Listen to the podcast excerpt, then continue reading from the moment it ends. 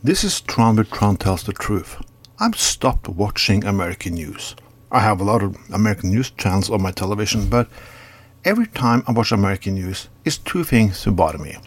One, it looked like a fucking action movie. Yes, an action movie.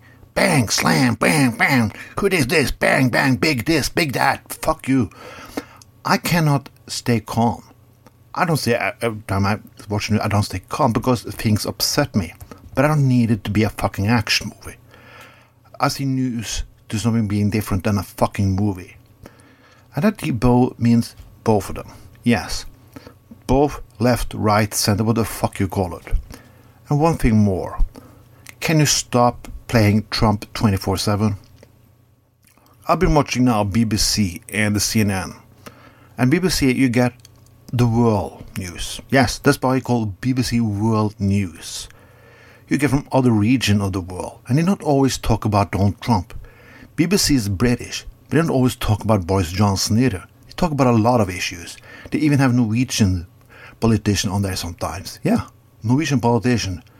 I don't think anyone in America named one Norwegian politician, except maybe the General Secretary of NATO.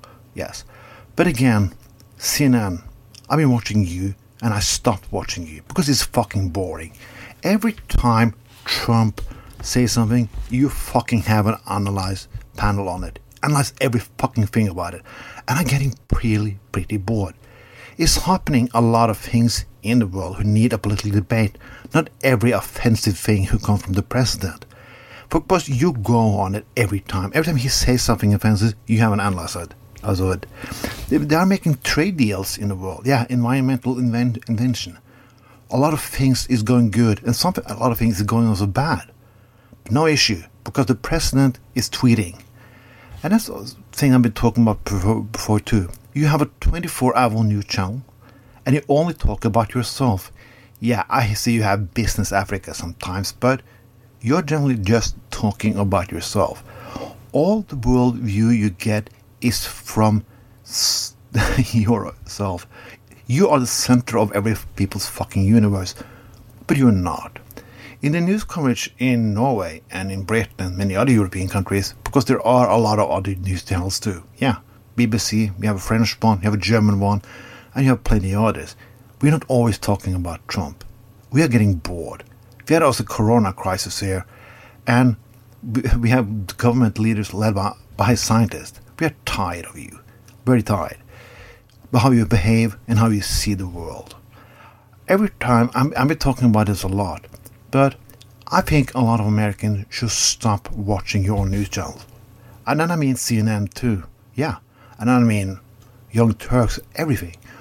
Watch other people, countries' news. There are possibilities. I, I have an American friend of mine who used to watch NRK, that's the state TV in Norway they have an English news service. Yeah, he said I, I can read the news without getting a fucking action movie.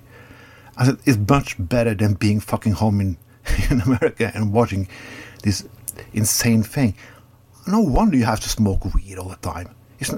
if I live in your country, I had to legalize weed too.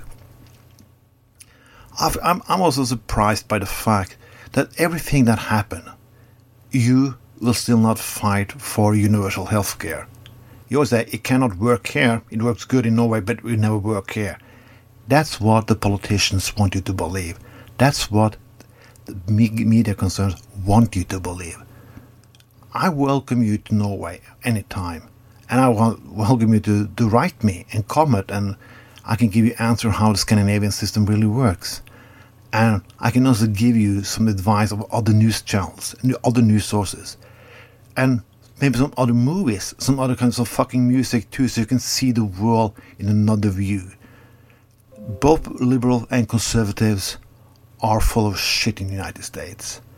And with this shit is going on for a long time now, we're gonna stop banning you from travel to Europe and the rest of the world. This was Tron with Tron Tells the Truth. Have a nice day.